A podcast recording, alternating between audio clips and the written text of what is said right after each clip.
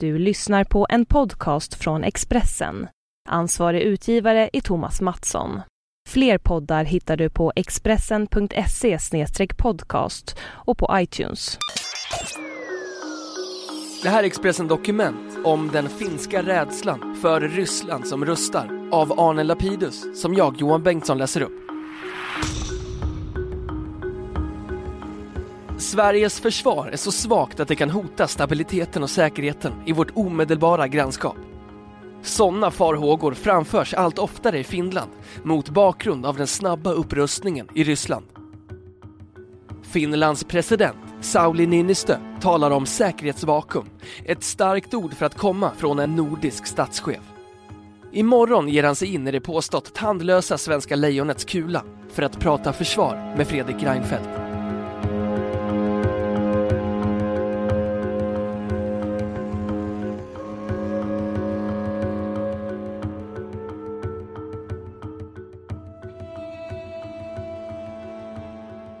Den finländske presidenten Sauli Niinistö är huvudattraktion på Folk och Försvars rikskonferens som börjar i Sälen imorgon.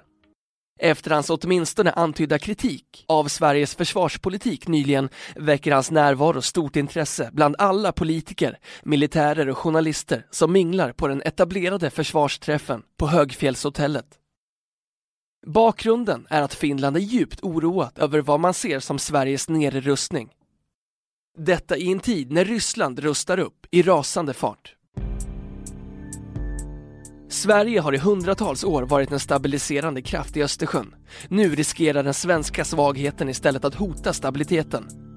Det är en växande oro i Finland, som räknar med Sverige som en militärt stabil faktor, säger Charlie Salonius Pasternak, expert på nordisk säkerhetspolitik vid Utrikespolitiska institutet i Helsingfors.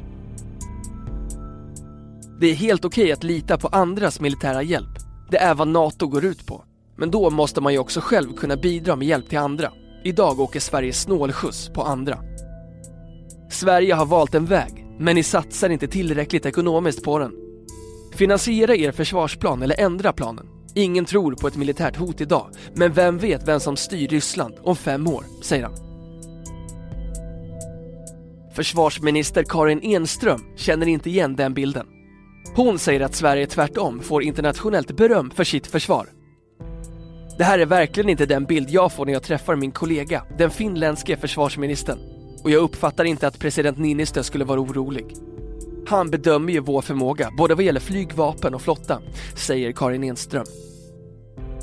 Vi stärker just nu vår försvarsförmåga med ett tillskott på 1,4 miljarder kronor. Vi har blivit bättre sedan 2006 och genomför fler övningar, både i luften, till lands och med marinen. Vi har mest och störst flygaktivitet över Östersjön av samtliga Östersjöländer.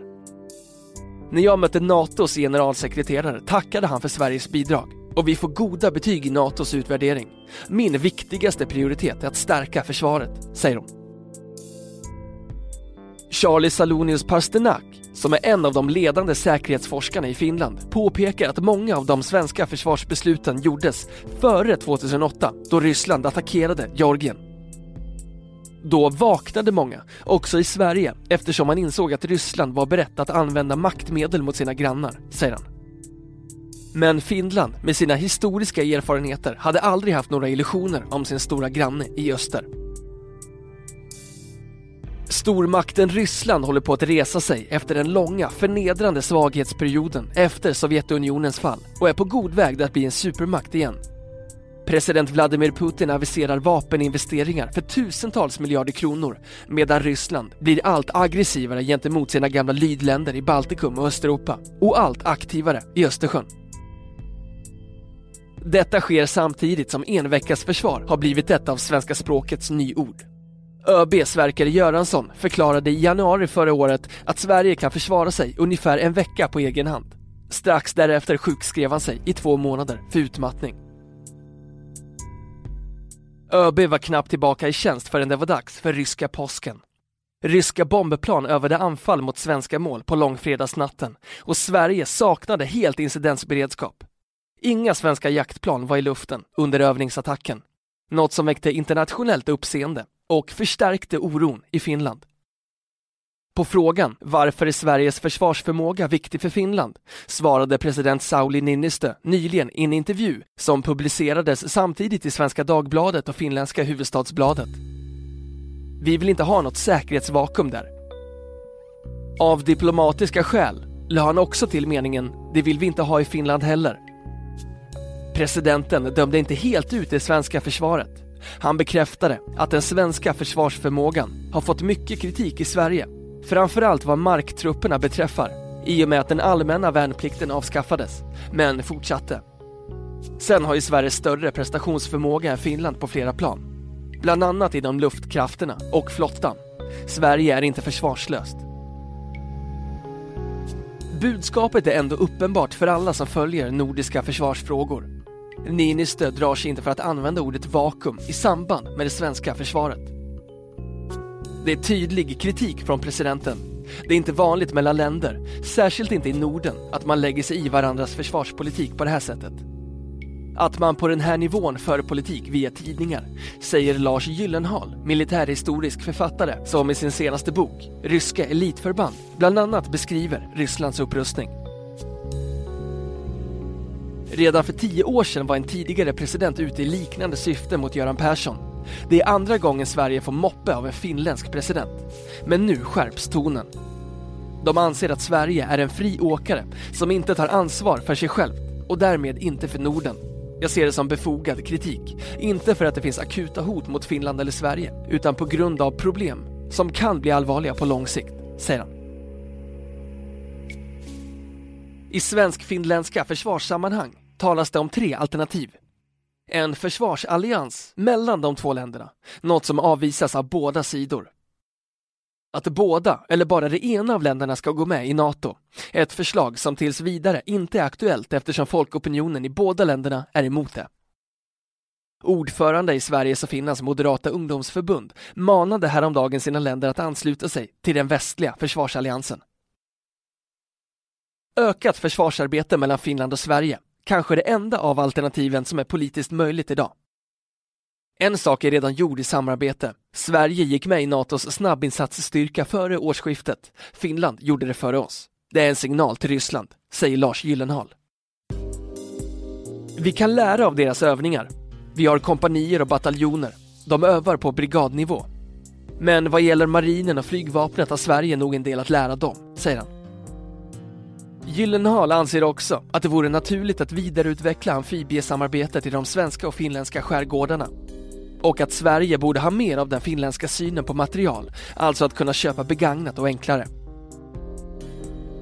Efter 600 år i ett gemensamt rike och sedan 200 år av ofta dramatiskt skilda vägar finns det stark historisk laddning i relationerna mellan Sverige och Finland, inte minst i försvarsfrågor. En känsla av att Sverige svikit broderfolket i utsatta lägen lever fortfarande kvar som en underström i det finska folkdjupet.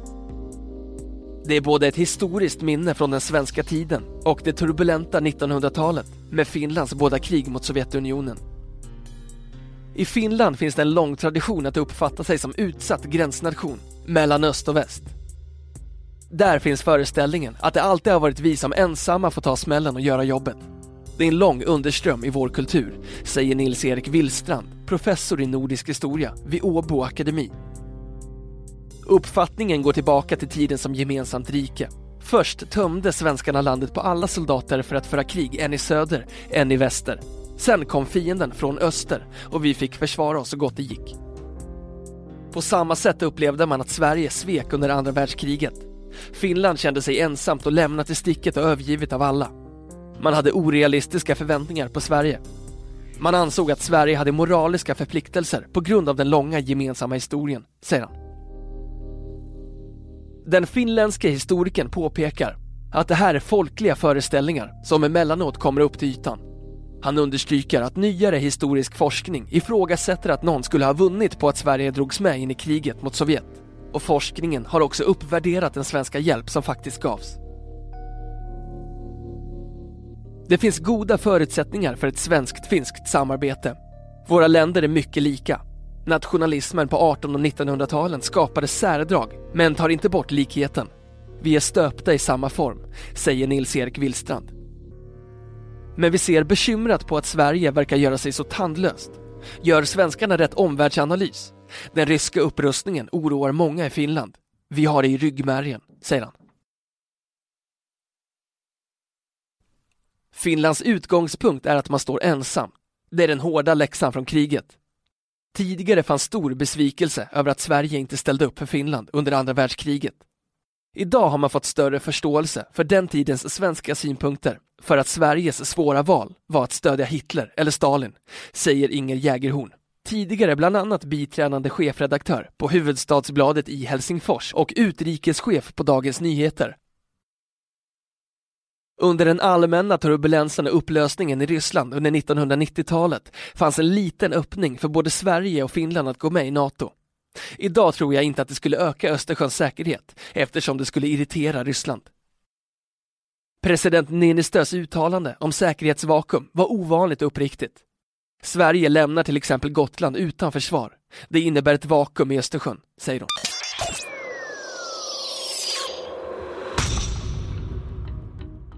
Du har lyssnat på en podcast från Expressen. Ansvarig utgivare är Thomas Mattsson. Fler poddar finns på Expressen.se och på iTunes.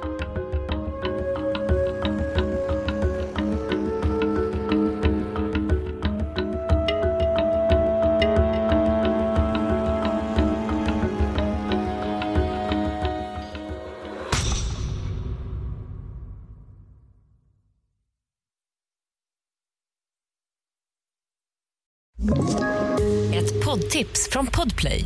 I fallen jag aldrig glömmer djupdyker Hasse Aro i arbetet bakom några av Sveriges mest uppseendeväckande brottsutredningar. Går vi in med hemlig telefonavlyssning och, och då upplever vi att vi får en total förändring av hans beteende. Vad är det som händer nu? Vem är det som läcker? Och så säger han att jag är kriminell, jag har varit kriminell i hela mitt liv men att mörda ett barn, där går min gräns. Nya säsongen av Fallen jag aldrig glömmer på Podplay.